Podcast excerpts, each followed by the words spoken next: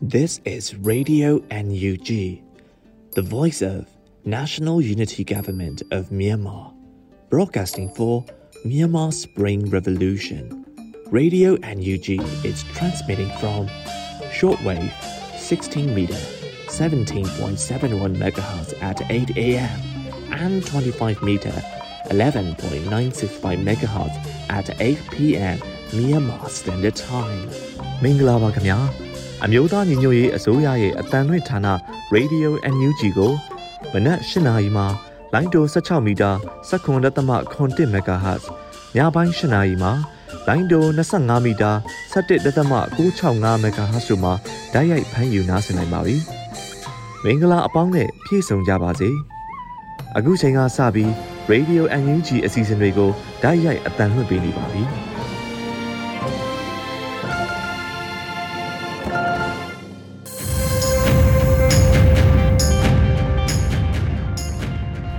မြန်မာနိုင်ငံသူနိုင်ငံသားအပေါင်းတဘာဝပြီးဆရာနာရှင်ဘေးတို့ကနေကင်းဝေးပြီးကိုစိတ်နှပါကြမ်းမလုံးခြုံပေးကင်းကြပါစေလို့ Radio UNG အဖွဲ့သားများကဆုတောင်းမေတ္တာပို့သလိုက်ရပါတယ်ရှင်။အခုချိန်ကစပြီး Radio UNG ရဲ့ညနေခင်းအစီအစဉ်နောက်ဆုံးရသတင်းအကျဉ်းများကိုຫນွေဦးရွှေဝါကတင်ဆက်ပေးပါမယ်ရှင်။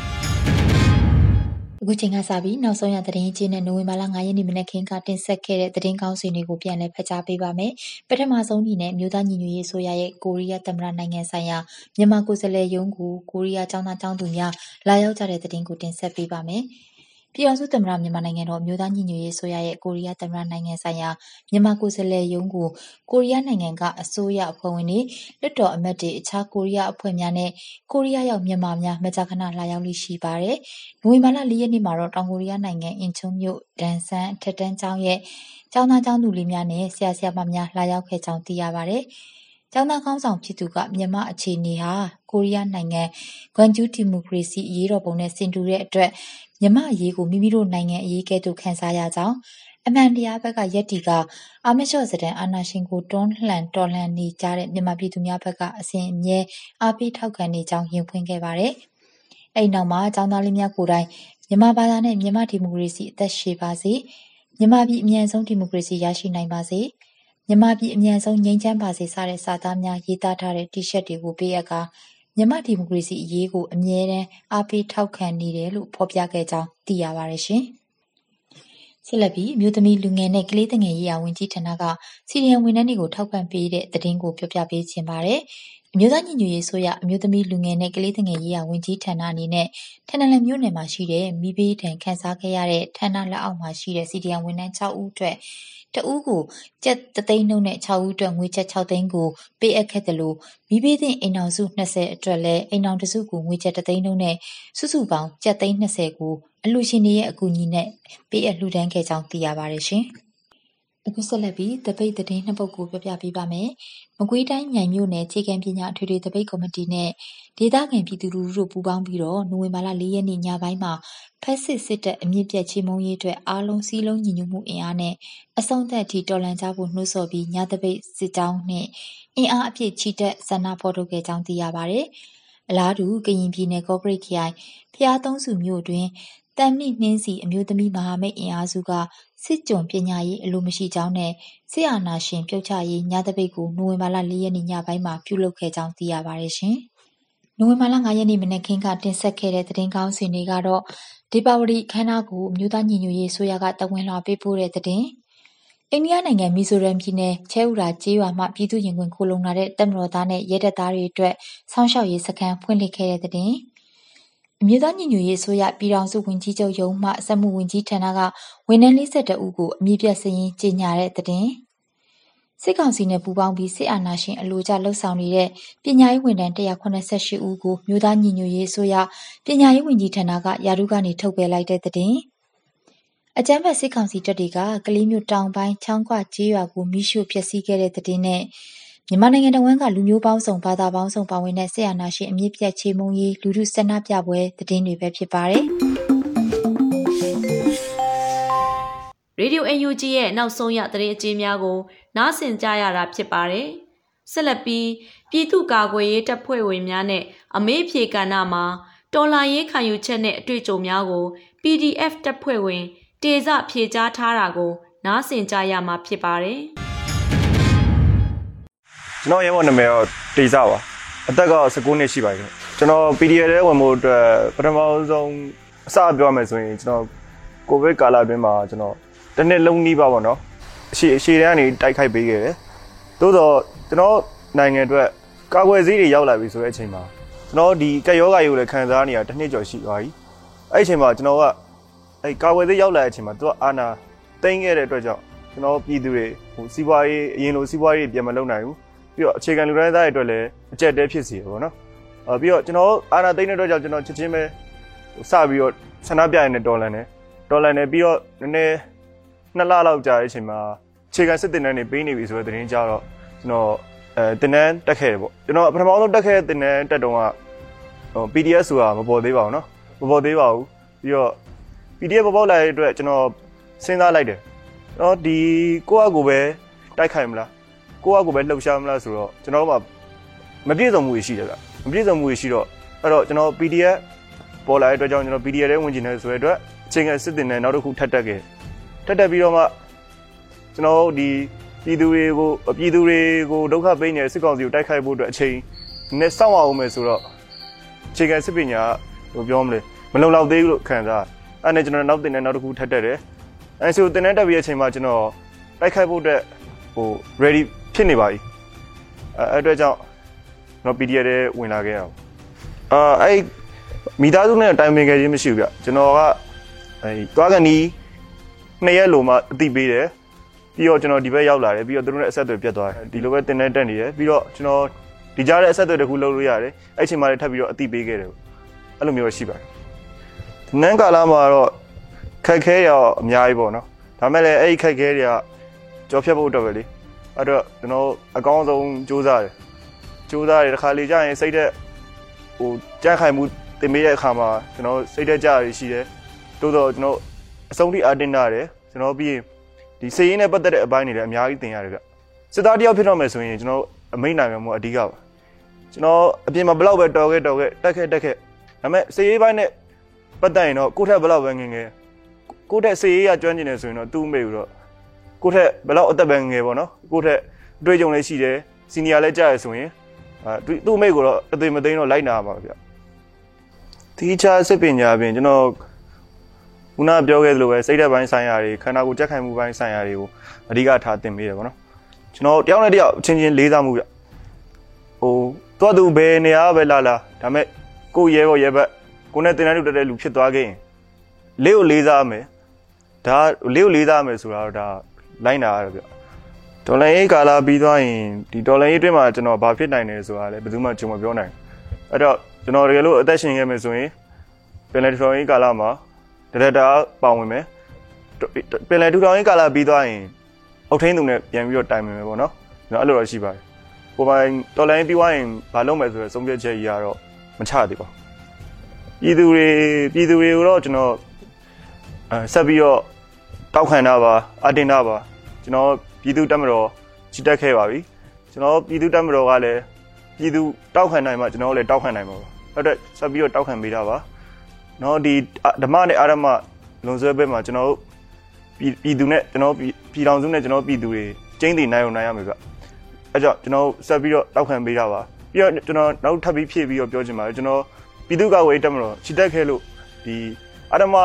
ဘက်ကစစ်ကောင်စီနဲ့တိုက်ပွဲတွေဖြစ်ခဲ့တယ်ဆိုရင်ပြည်သူတွေရဲ့ တက်အိုအိမ်နေထိခိုက်နစ်နာဆုံးရှုံးမှုတွေဖြစ်ခဲ့မယ်ဆိုရင်ကျွန်တော်ကြိုတင်ပြီးတောင်းပန်ပါတယ်လို့ပြောချင်ပါတယ်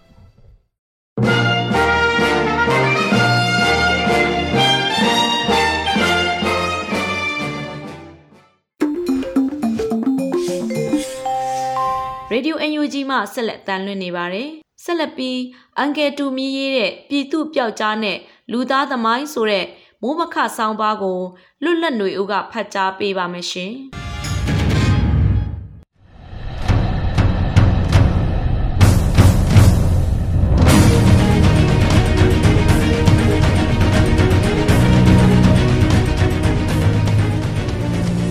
ပြည်သူပျောက်ကြားနဲ့လူသားသမိုင်းအခုတလောပြည်သူပျောက်ကြားတွေအကြောင်းရှာဖွေဖတ်ရှုမိပါတယ်ပြည်သူပျောက်ကြားဆိုတာဘယ်သူတွေလဲ သူတို့ဘလို့အခြေအနေမှာဘလို့နီးနဲ့ပေါ်ပေါက်လာတယ်လဲသူတို့ဘယ်သူအတွက်ဘာတွေလုပ်ကြတယ်လဲသူတို့ဘလို့အချိန်မှာဘလို့နီးတွေနဲ့အောင်ပွဲခံလေးရှိတယ်လဲစသဖြင့်စသဖြင့်ဟိုတစဒီတစလက်လှမ်းမိသလောက်ရှာဖွေမိပါတယ်အလျင်းသိရင်တင့်တယ်လို့ကျွန်တော်ဖတ်မိတာတွေစုဆောင်းမိတာတွေနဲ့ကျွန်တော်အတွေးတချို့ကိုပေါင်းစပ်ပြီးဆောင်းပါးရေးခဲ့တာခုဆို၄၅ပုတ်လောက်ရှိပါပြီပြည်သူပျောက်ကြားတွေအကြောင်းကလည်းစိတ်ဝင်စားစရာပါဖတ်လို့မကုန်းမှတ်လို့မကုန်း ပြောလို့မကုန်းတဲ့အကြောင်းတွေပါပဲလူသမိုင်းဟာစစ်သမိုင်းဖြစ်ခဲ့တယ်လို့စစ်သမိုင်းမှာလည်းပျောက်ကြားစစ်သမိုင်းကအရေးပါတဲ့အခန်းကဏ္ဍကပါနေပါတယ်အမှန်နဲ့အမှားဓမ္မနဲ့အဓမ္မအနိုင်ကျင့်သူနဲ့အနိုင်ကျင့်ခံရသူဘက်နဲ့ဘက်တိုက်ပွဲတိုင်းမှာမတရားခံရသူတွေဘက်ကအင်အားနည်းပါသူတွေဘက်ကရှိသမျှအင်အားကလေးနဲ့အာခံခဲ့သူတွေပေါ်လာစမြဲဖြစ်ပါတယ်။အဲ့ဒီမတရားခံရသူတွေဘက်က ရရလက်နဲ့ကင်ဆွဲပြီးတိုက်တဲ့သူတွေဟာပျောက်ကြားစစ်ပြူဟာကိုတုံးတာတွေ့ရပါတယ်။အဲ့ဒီလိုအနိုင်ကျင့်ခံရတဲ့သူတွေဘက်ကပျောက်ကြားစစ်ပြူဟာတုံးပြီးပြန်လည်ခုခံသူတွေကိုပြည်သူပျောက်ကြားတွေလို့ခေါ်ဝေါ်သုံးဆွဲကြပါတယ်။ကဲဝါရင်ပြည်သူပျောက်ကြားတွေအကြောင်းပြောကြရအောင်ပါ။ဝါရင်ပြည်သူပျောက်ကြားတွေဟာလက်ဦးမှုရအောင်တိုက်ခိုက်တတ်သူတွေသာမဟုတ်ပါဘူး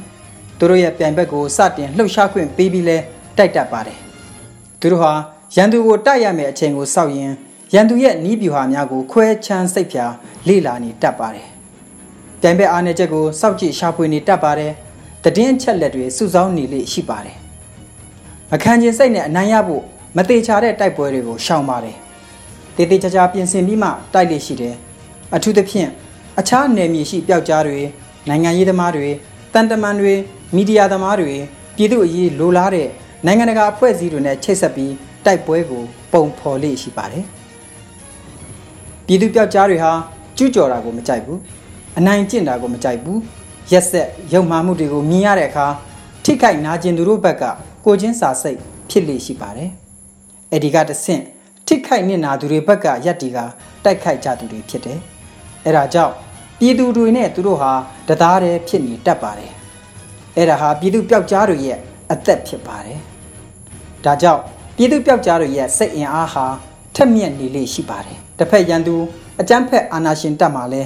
ကျင်းမြောင်းတဲ့ဘာသာရေးလူမျိုးရေးဝါဒရေးပုဂ္ဂိုလ်ရေးမှိုင်းတွေကြောင့်တက်ကြွနေတာမျိုးရှိပါတယ်ဒါပေမဲ့အဲ့ဒီမှိုင်းတွေလွင့်ပြေသွားတဲ့အခါမှာတော့အာဏာရှင်တပ်ဟာသွေးယူသွေးတန်းဖြစ်သွားလိရှိပါတယ်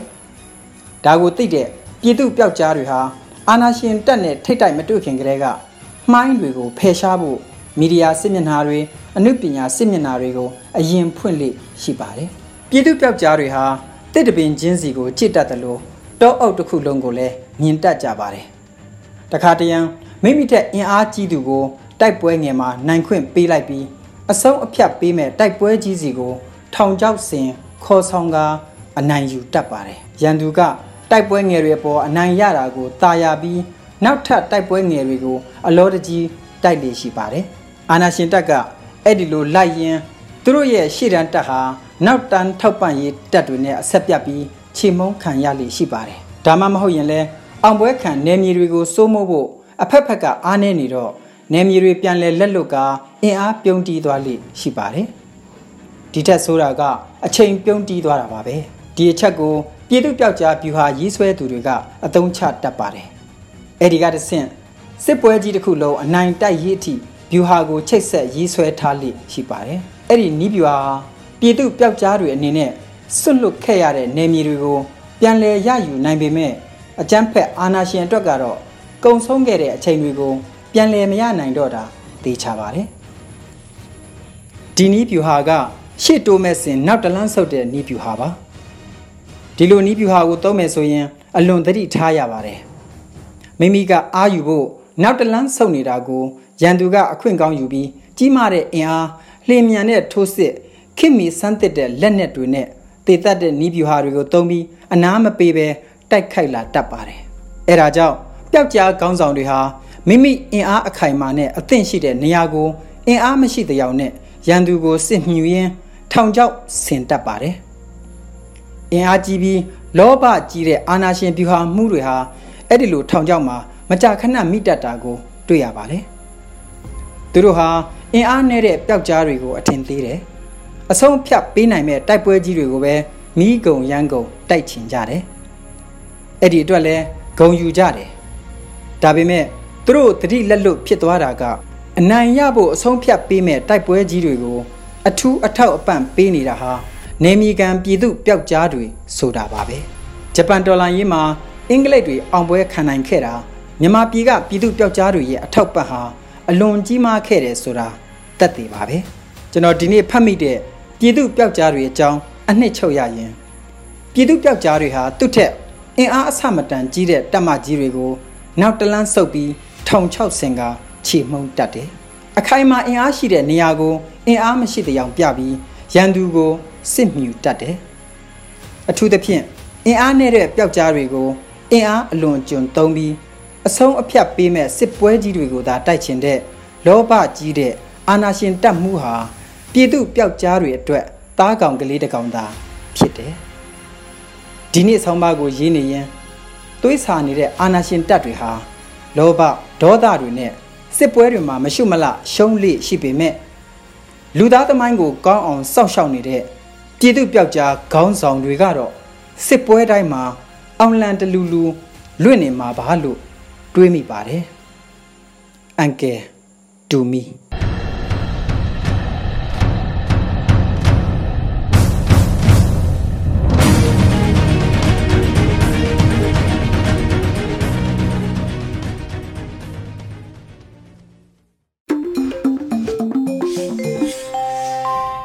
မိဘပြည်သူများရှင် Radio UNG ရဲ့ညနေပိုင်း၈နာရီထုတ်လွှင့်မှုအစီအစဉ်ကို frequency ပြောင်းလဲထုတ်လွှင့်မှာဖြစ်ပါတယ်ရှင်။ရခင်ထုတ်လွှင့်နေကြတန်လိုင်းဖြစ်တဲ့လိုင်းတို25မီတာတွင်မူလ frequency ဖြစ်တဲ့12 MHz အစား17.665 MHz တို့ပြောင်းလဲထုတ်လွှင့်သွားမှာဖြစ်ပါတယ်ရှင်။ Radio UNG မှဆက်လက်တန်လှည့်နေပါတယ်။ဆက်လက်ပြီး Radio UNG ရဲ့တော်လိုင်းရေးတေးဂီတအစီအစဉ်မှအိုက်တော်ရေးသားထားပြီးခရစ်စတိုဖာတီဆိုထားတဲ့ ညီစေးဆိုတဲ့တခြင်းကိုနားဆင်ကြရမှာဖြစ်ပါတယ်ရှင်။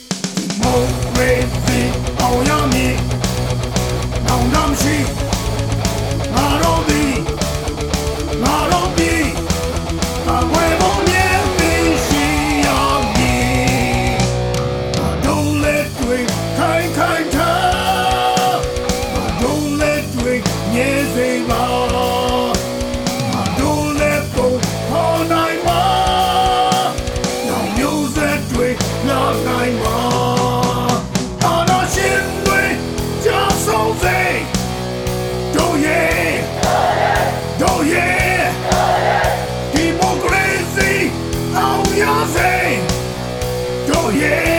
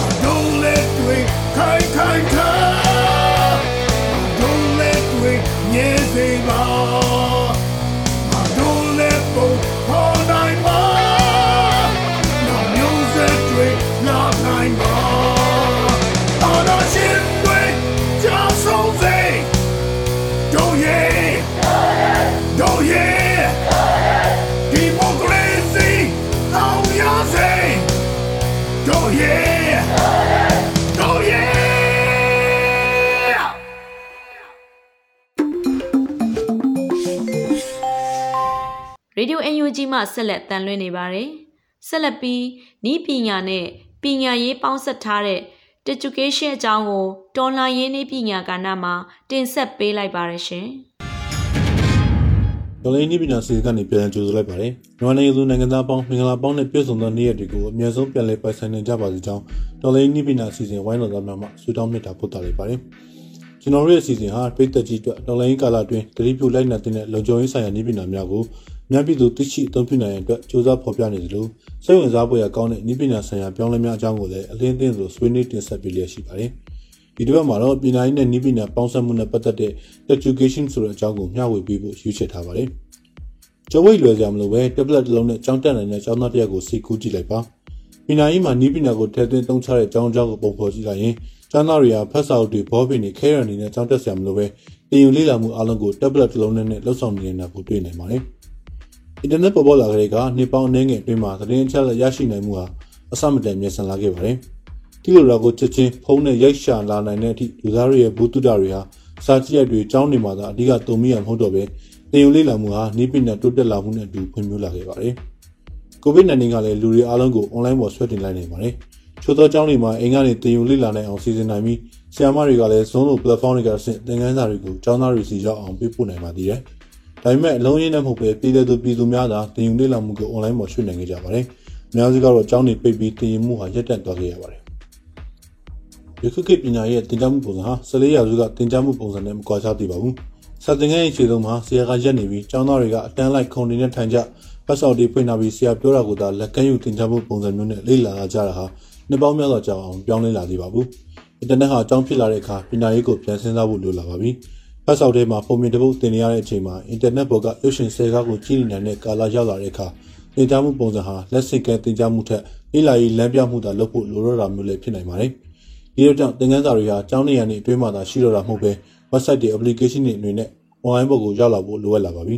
။ပညာရေးကိုနည်းပညာပေါင်းစပ်ရာတိုင်းပြည်ပြန်လည်ထူထောင်ရေးကာလမှာမဖြစ်မနေပူးတွဲအကောင့်ထဲပေါ်သွားရမယ့်ကိစ္စဖြစ်ပါတယ်။ပညာရေးနဲ့နည်းပညာပေါင်းစပ်ရာကျောင်းသားတွေရဲ့သင်ယူလေ့လာမှု online ပေါ်သို့ရောက်လာမှု သင်ခန်းစာများအလိုတကူရယူနိုင်မှုဆရာဆရာမများဟာ online ပေါ်မှာသင်ကြားပြသမှုအပြင်ကျောင်းသားကျောင်းသူတွေရဲ့လေ့လာမှု activity တွေကိုစစ်စစ်ပြီးပုံမကောင်းမွန်သောသင်ကြားမှုပုံစံကိုပြောင်းလဲနိုင်မှုကျောင်းသားများရောဆရာများပါ online သင်ကြားမှုအတွက်သင်ထောက်ကူပစ္စည်းလောကမှုအင်တာနက်ကိုလက်လန်းမိနိုင်မှုစသဖြင့်လှုပ်ဆောင်စရာများစွာရှိပါတယ်။ကိုဗစ်ကာလမှာဆက်ပြီးကမ္ဘာအနှံ့နိုင်ငံများတွင် online learning system အတွက်ကိုစဉ်းစားလာကြပါတယ်။အင်္ဂါကွန်ပျူတာဖုန်း tablet မှာဆင့်သင်ကြားအားနိုင်အောင်သင်ခန်းစာတွေကို website တွေပေါ် conferencing platform တွေပေါ်ကိုတင်လာကြပါတယ်။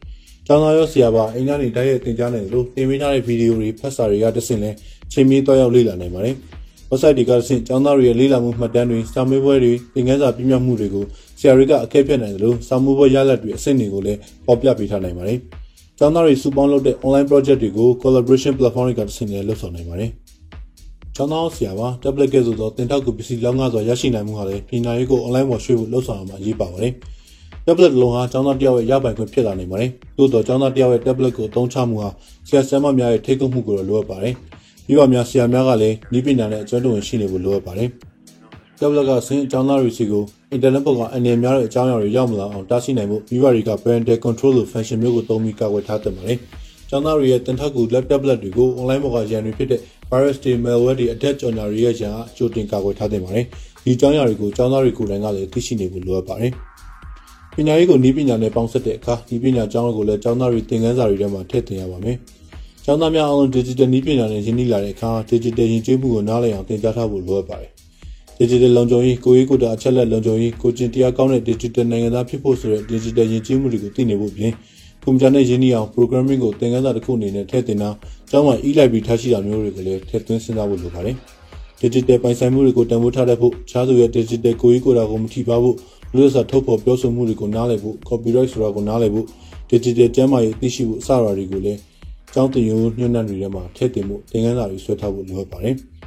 ဤပညာခေတ်ဖြစ်တဲ့အတွက်ဤပညာခေတ်နောက်မကြရအောင်ဆယ်တန်းအောင်ပြီးမှကွန်ပျူတာသင်တန်းတွတ်တက်ရတဲ့အခြေအနေကနေလွတ်မြောက်အောင်ကျောင်းသင်ခန်းစာတွေတင်ယူလေ့လာမှုတွေထဲမှာတခါတည်းတွဲတင်ထားဖို့လိုအပ်ပါတယ်။ဤပညာကပုံမကောင်းမွန်တဲ့ပညာရေးစနစ်တစ်ခုကိုပုံဖော်ရမှာအများကြီးပံ့ပိုးပေးနိုင်ပါတယ်။ပေါ်ရောက်ဤပညာကိုအသုံးပြုတဲ့သင်ကြားမှုပုံစံကိုချို့နိုင်ငံတွေမှာစတင်အသုံးပြုနေကြပါပြီ။ ပညာရေးကို online ပေါ်တင်ပြီးတဲ့အခါမှာနောက်ပိုင်းလိုအပ်တဲ့သင်ကြားမှု viewer များကိုပေါ်ရောက်ဤပညာဖြင့်လိုအပ်သလိုပုံဖော်နိုင်ပါတယ်။တချို့အကြောင်းများတွင် augmented reality ဤပညာကိုအသုံးပြုကသင်ကြားနေကြပါပြီ။ဒါရီယာနောင်ဖြစ်လာမဲ့တင်ကြားမှုပုံစံအသစ်တွေဖြစ်ပြီးဒါရီကိုလိုက်မိအောင်ချိုးတင်ပြင်ဆင်ထားကြဖို့လိုအပ်ပါတယ်။ COVID-19 အောင်စစ်ကောင်စီရဲ့အာဏာသိမ်းမှုကြောင့်မှနောက်ကျသွားခဲ့ရတဲ့မြန်မာနိုင်ငံရဲ့ပညာရေးဟာ federaluniversity.org လို့ online တက္ကသိုလ်တွေများများပေါ်ပေါ်လာနိုင်ရင်တော့ကျောင်းသားတွေလည်းကျောင်းနဲ့မွေးရတော့ဘူးပေါ့။ online ကနေတက်ရတဲ့သင်တန်းတွေဟာ COVID ကာလမှာများစွာပေါ်ပေါ်လာခဲ့ပေမဲ့ပညာရေးစနစ်တစ်ခုလုံးကို online ပေါ်ရောက်လာဖို့တော့ဖြစ်လာသေးပါဘူး။ COVID ကိုကြောင်းလွန်လာပြီးရေတော်ပုံလာအောင်မြင်ပြီးလို့ကျောင်းများတက္ကသိုလ်များပြန်ဖွင့်တဲ့အခါမှာလည်းဒီပညာကိုပုံမထက်တဲ့အသုံးပြုလာတဲ့ပညာရေးစနစ်ခုကိုကောင်းတဲ့ဖော်နိုင်ရင်တော့တင်ယူလေ့လာမှုမြန်ဆန်မှုဆရာဆရာမနဲ့စာကြည့်ရမှသာဒီပညာမတုံပြီးတော့ပဲချိန်နဲ့တပြေးညီပြောင်းလဲလာနိုင်တဲ့ပညာရေးစနစ်ခုကိုရရှိနိုင်မယ်လို့မျှော်လင့်ရပါတယ်။ ဒီပညာနဲ့ပုံမကောင်းမွန်သောပညာရေးစနစ်ခုကိုဖော်ဆောင်ကြဖို့တိုက်တွန်းရင်းနဲ့ကျွန်တော်တို့ရဲ့တော်လိုင်းနည်းပညာအစီအစဉ်လေးကိုရန်နာခွင့်ပြုပါခင်ဗျာ။နောက်ပတ်များမှာလည်းကျွန်တော်တို့ရဲ့တော်လိုင်းနည်းပညာအစီအစဉ်ကနေဘလို့အကြောင်းအရာတွေကိုဆက်လက်တင်ဆက်ပေးသွားအောင်လဲဆိုတာစောင့်မျှော်ကြည့်ရှုပေးကြပါဦးခင်ဗျာ။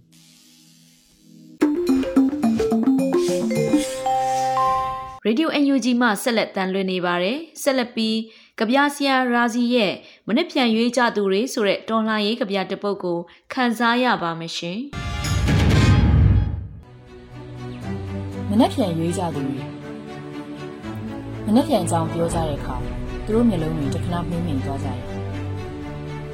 ကက်ကြီးတုံးပါတယ်နှစ်ပါးကပြစ်စခါကြံတစ်ပါးကလည်းဟန်ရီတပြားပြားဆိုတော့မတိအောင်နေရတာကသူတို့အတွက်လုံးတယ်တက်ကရစ်ဆက်ဆက်မျိုးဆက်ဆက်ဆက်အသက်တွေရှင်တွန်းဖွင့်ခဲ့တဲ့တကားတစ်ချက်ဖေဖော်ဝါရီတမနက်မှာမိုးတက်မှန်မှန်ထင်ခဲ့တယ်လူသားစင်စစ်တွေမင်းတို့ရဲ့ဒီလန်ဒီ ဇလန်မှာပဲလူမဟုတ်သူတွေရဲ့ဇညောမှာလူသားတွေလမ်းပြောက်နေကြတယ်ကဘာသားတွေအောင်ဆွမ်းအောင်အရာရာဟာအမှန်တရားဒီမြေမှာဖြစ်တည်လာတဲ့တို့ရအမှားအသက်မဲ့နေတဲ့တားငယ်ကိုဖွင့်ရင်မိခင်ကနာနာကြီးကြီးရှိနေတယ်။အနေကျက်အသေးကျက်ခိကလည်းပြက်ပြီးဆိုတွေးရင်းတို့အပြီးတိုင်နှုတ်ဆက်မျက်ရည်နဲ့တောက်ခောက်တယ်နေ့စဉ်ပုံလာတဲ့ အတိုင်းမချိတင်တဲ့မူကြီးတယ်နေရံတွေပေါ်ပဲ့တင်ထားနှလုံးသားရှိသူကိုကြားနေတယ်တစ်ဖက်ကကက်တစ်ဖက်ကတမတင်ဆိုရင်ရောဘာယူနေသူတို့ကတော့မဟုတ်ဘူးလူကိုလူလိုဆက်ဆံနေတယ်လူကိုလူလိုတန်ဖိုးထားတဲ့အနာကတတိပင်းနဲ့ဖြန့်ချက်မနှက်ဖြန်ဟာသူတို့ပြောလို့ဆိုနေဝန်းကိုပြန် စိုက်ခဲ့တဲ့မြတ်ရေးပေးတဲ့အခါဘာမထွက်ကြဘူးလူသားစင်စစ်တွေရဲ့တိုက်ပွဲခေါ်တယ်အမှောင်ဖုံးနေတဲ့ဒီမျိုးကိုပြင်ပြီးပြင်နေတယ်ဒီမြေမှာသူတို့သာအရှင်ဖြစ်ဒီမြေဒီမြေဒီရေကိုမနေဆိုးဆိုင်ပြီးနေတယ်မနှက်ဖြန်ဟာမော်နောက်နဲ့နေရတဲ့ညပွင့်စီဒီလိုကျူးကျော်တဲ့ဒီနာဘက်ကိုဖမ်းဆီးလိုက်ရေရဲလေး ဒီကရာကိုရေးဆက်သူကတော့ဘရာဇီဖြစ်ပါတယ်ဒီကနေ့တော့ဒီညနေပဲ Radio NUG ရဲ့အစီအစဉ်တွေကိုခਿੱတရနာလိုက်ပါမယ်မြန်မာစံတော်ချိန်မနေ့၈နာရီနဲ့ညနေ၈နာရီအချိန်တွေမှာပြန်လည်ဆုံတွေ့ကြပါစို့ Radio NUG ကိုမနက်၈နာရီမှလိုင်းဒို16မီတာ19.7 MHz ညပိုင်း၈နာရီမှ လိုင်းဒို25မီတာ17.665 MHz တို့မှာဓာတ်ရိုက်ဖမ်းယူနာဆင်နိုင်ပါပြီမြန်မာနိုင်ငံသူနိုင်ငံသားများကိုစိတ်နှဖျားချမ်းမာချမ်းသာလို့ဘေးကင်းလုံခြုံကြပါစေလို့ Radio NUG ဖွဲ့သူဖွဲ့သားများကဆုတောင်းလိုက်ရပါတယ်မြို့သားညီညွတ်ရေးအစိုးရရဲ့ဆက်သွယ်ရေးသတင်းအချက်အလက်နဲ့ဤပညာဝန်ကြီးဌာနက ထုတ်လွှင့်နေတဲ့ Radio NUG ဖြစ်ပါတယ်။ San Francisco Bay Area အခြေစိုက်မြန်မာမိသားစုများနဲ့နိုင်ငံတကာကစေတနာရှင်များလှူအားပေးများရဲ့ Radio NUG ဖြစ်ပါတယ်။အရှိတော်ပုံအောင်ရမည်